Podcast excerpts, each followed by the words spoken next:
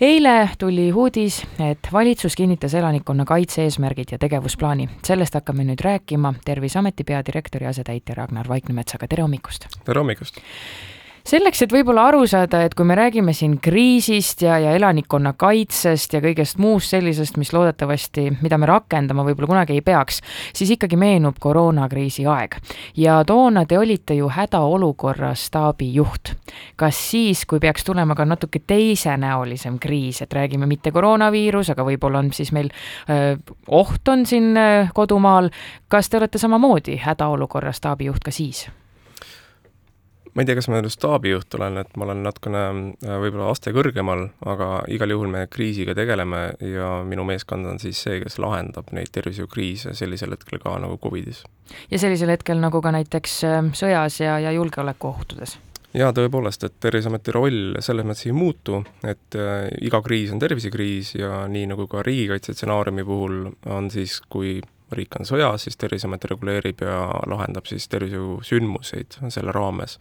et me ei anna oma ülesandeid üle kuidagi Kaitseväele, Kaitsevägi teadupärast äh, teeb oma ülesandeid, aga toetub siis ka tsiviilmeditsiinile ja tsiviilsektorile väga suurelt, et sellepärast see ongi hästi oluline. ja mul on väga hea meel, et valitsus võttis vastu selle otsuse elanikkonnakaitsele eraldada siis kaheksakümmend miljonit, millest siis kaheksateist miljonit on mini-, Sotsiaalministeeriumi haldusalas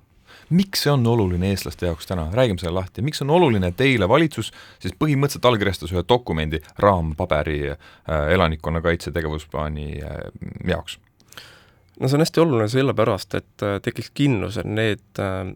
võimekused, mis on arendatud või on arendamisjärgus, need jätkuks ikka järgnevatel aastatel. et hetkel on pandud paika nelja aasta nagu siht ja nelja aasta siis rahastus on antud, et Sotsiaalministeeriumile siis, nagu ma ütlesin, kaheksateist miljonit, millest lõviosa läheb Terviseametile, ja Terviseameti lõikes ma saangi öelda, et see võimekus, mis on loodud siis Covidi ajal, et me kõik teame, et, et Covid algas, siis Terviseamet tegelikult ei olnud valmis selliseks kriisiks. Ja ma saan käsi südamel öelda, et Terviseamet täna ei ole enam see amet, mis ta oli siis, kui ta läks kriisi, ehk siis me oleme arendanud välja nii väiksemateks kui suurtemateks kriisideks valmisoleku, neid juhtida, neid reguleerida, ja seda me tahame jätkata. Ja selle raha annabki meile kindlustunde, et me oleksime valmis ka nagu nagu näiteks mainiti juba riigikaitse stsenaariumiteks, kus siis äh, tuleb mängu ka katastroofimeditsiin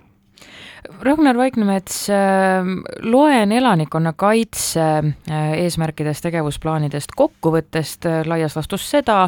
et tänasel päeval on meil meditsiini vallas varusid ikkagi vähe. mis varud need siis on? siht oli muidugi suur, kahe, kahe tuhande kolmekümne, kahe tuhande kolmekümne neljandaks aastaks peaks siis need olema justkui kõik täidetud, aga aga just, mis me nüüd räägime siis, et mi-, mida, millest meil puudu on täna?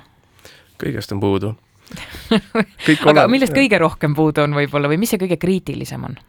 noh, mitte tuues eraldi mingid väiksed artiklid siin välja, aga kui me mõtlemegi, et äh, Covidi alguses oli meil puudu isikukaitsevahenditest, et äh, kuidas inimesed, tervishoiutöötajad saaksid ennast kaitsta nakkushaiguste eest, siis kui me pöördume nüüd äh, sellise tervikvaate poole ja mõtleme vältimatu abi teenuse suunas, mis on siis näiteks erakorraline meditsiin või intensiivravi või ka sünnitusabi, et äh, me näeme, et äh, nende stsenaariumite lõikes, mis meid nagu, nagu nii-öelda kammitseb, mille raames me planeerime vastu, äh, on meil liiga vähe neid varusid. ja see vähe tähendab seda, et, et kui me vaatame näiteks äh, hajutatust, et meil peaks olema mitmes kohas nad,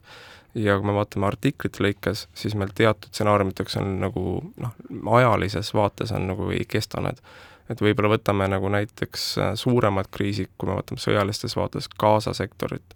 siis äh, sealt tuli uudiseid, et nende kuu aja tegevusvaru haiglas, ehk siis nii nagu haigla töötab normaalses olukorras, kuu aega kestab, kulus ühe päevaga. et noh, me peame vaatama selles suunas ka, et kriisis kulub rohkem mingid artiklid, mingid äh, vahendid, olgu need sidemed, olgu need ravimid, mis iganes, et seda kulub rohkem, kuna kannatanute hulk on suurem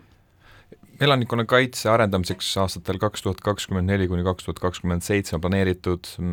ligi selline sada miljonit eurot Sotsiaalministeeriumi vaatest, Terviseameti vaatest, mida me saame selle raha eest? jaa, me saame, kui me vaatame haldusala tervikuna, siis äh, Sotsiaalkindlustusamet äh, arendab enda psühhosotsiaalse kriisiabi võimekust, et kuidas anda siis seda tuge inimestele, mida nad vajavad, just nagu vaimse tervise valdkonnast, aga ka üleüldises mõttes, et kuidas toime tulla selle olukorraga. samas ar-, arendatakse ka vältimatut sotsiaalabi, näiteks noh, SKA vaatest on ülioluline, kui me nägime juba rändekriisi ajal,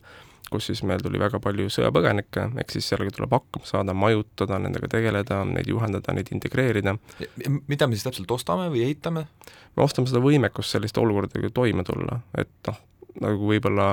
halb on öelda, et me värbame nagu inimesi või ametikohti või me nagu noh, maksame palka nii-öelda, aga me ei tohi ära unustada, et noh, meil üks asi on nagu võimalik investeerida betooni, ehk siis me ostame mingeid asju, nii nagu näiteks Terviseamet eelmine aasta rahastas äh, haiglaid elektrigeneraatoritega, et kui elekter ära läheb, siis neil on äh, generaatorid olemas, mis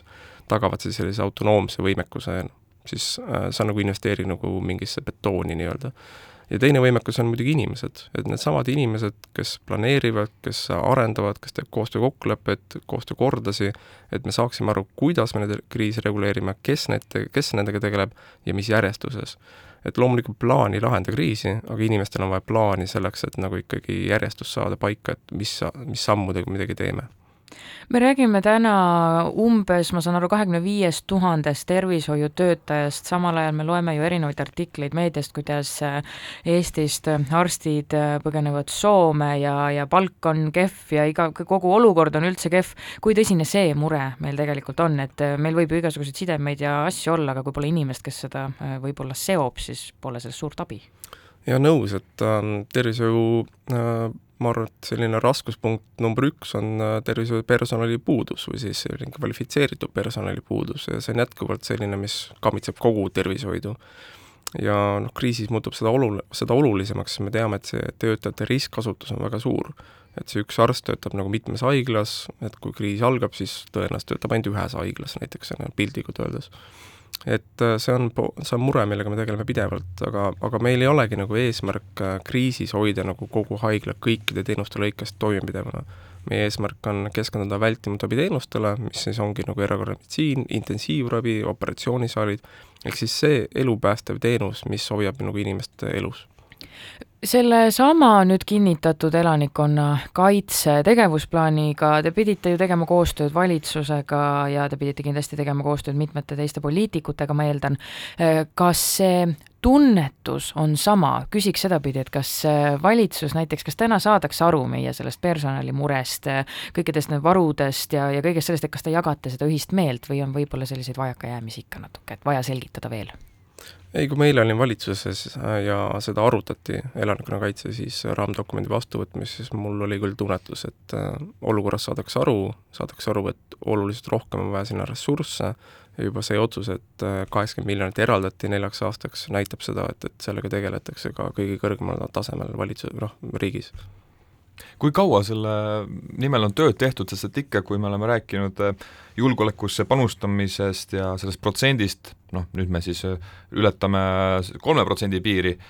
see on iseenesest kõva saavutus ja see tsiviilkaitse on alati jäänud kõrvale, kas nüüd siis enam ei ole ta kõrval kuidagi, nüüd meil ongi fookus all ikkagi tsiviilkaitse samuti, nii nagu peab? Jaa, ma arvan küll, et see on erinevate aastate kindel fookus, et ja suured tänud äh, siis Siseministeeriumile, konkreetsemalt Päästeametile, kes on selle elanik-, elanikkonnakaitse või siis noh, tsiviilkaitse teisisõnu ka ähm, tolmust maha pühkinud ja, ja uuesti võtnud oma fookusesse ja kus meie oleme siis Sotsiaalministeeriumi vaates kaasunud. et noh, elanikkonnakaitse, kui me vaatame lihtsalt pääste vaatest äh,, ei saa kindlasti olla ilma tervisevaateta, et need on lahutamatud osad kui me siin räägimegi tsiviilkaitsest, siis on eelkõige nagu riigikaitse stsenaariumil, ehk siis sõjalistel äh, situatsioonidel äh, oluline, kui me vaatame praegust julgeolekuolukorda, küll aga noh, seda on öelnud ka suured võib-olla kuulsad juhid maailmas, et noh, taktika on see, millega tegelevad nagu sõdurid, aga logistikaga tegelevad äh, need, kes nagu peaksid selle kõik nagu ellu viima, on ju. et sa ei saa nagu ilma nende haiglate või ilma logistika toetuseta neid asju tervikuna vaadata terviseameti peadirektori asetäitja Ragnar Vaiknemets, meil on kahekümne kolmas veebruar, homme on Eesti Vabariigi sünnipäev, suur töö on tehtud, raamdokument on kinnitatud, te peaksite olema päris õnnelik täna hommikul, või mis? Ma arvan, et see on hea sünnipäevakink Eesti riigile, et äh, mul on küll selline julgus edasi vaadata tulevikku ja et see ei olegi nii lootusetu, et kindlasti on äh, annab see nagu sellist turvatunnet, et äh, nende teemadega tegeletakse ja süvitsi tegeletakse. Ja, ja sellest tulenevalt ma arvan, et tulevik on helge selle võib-olla optimistliku ja, ja kena kõlaga tooniga võime ka intervjuu lõpetada. suur tänu, Ragnar Vaiknemets, täna hommikul meiega arutlemast ja mis muud kui jõudu ja jaksu ja loodame, et Eesti ikkagi oma eesmärgid peatselt täidab. suur aitäh kutsumast, head vabariigi aasta sünnipäeva!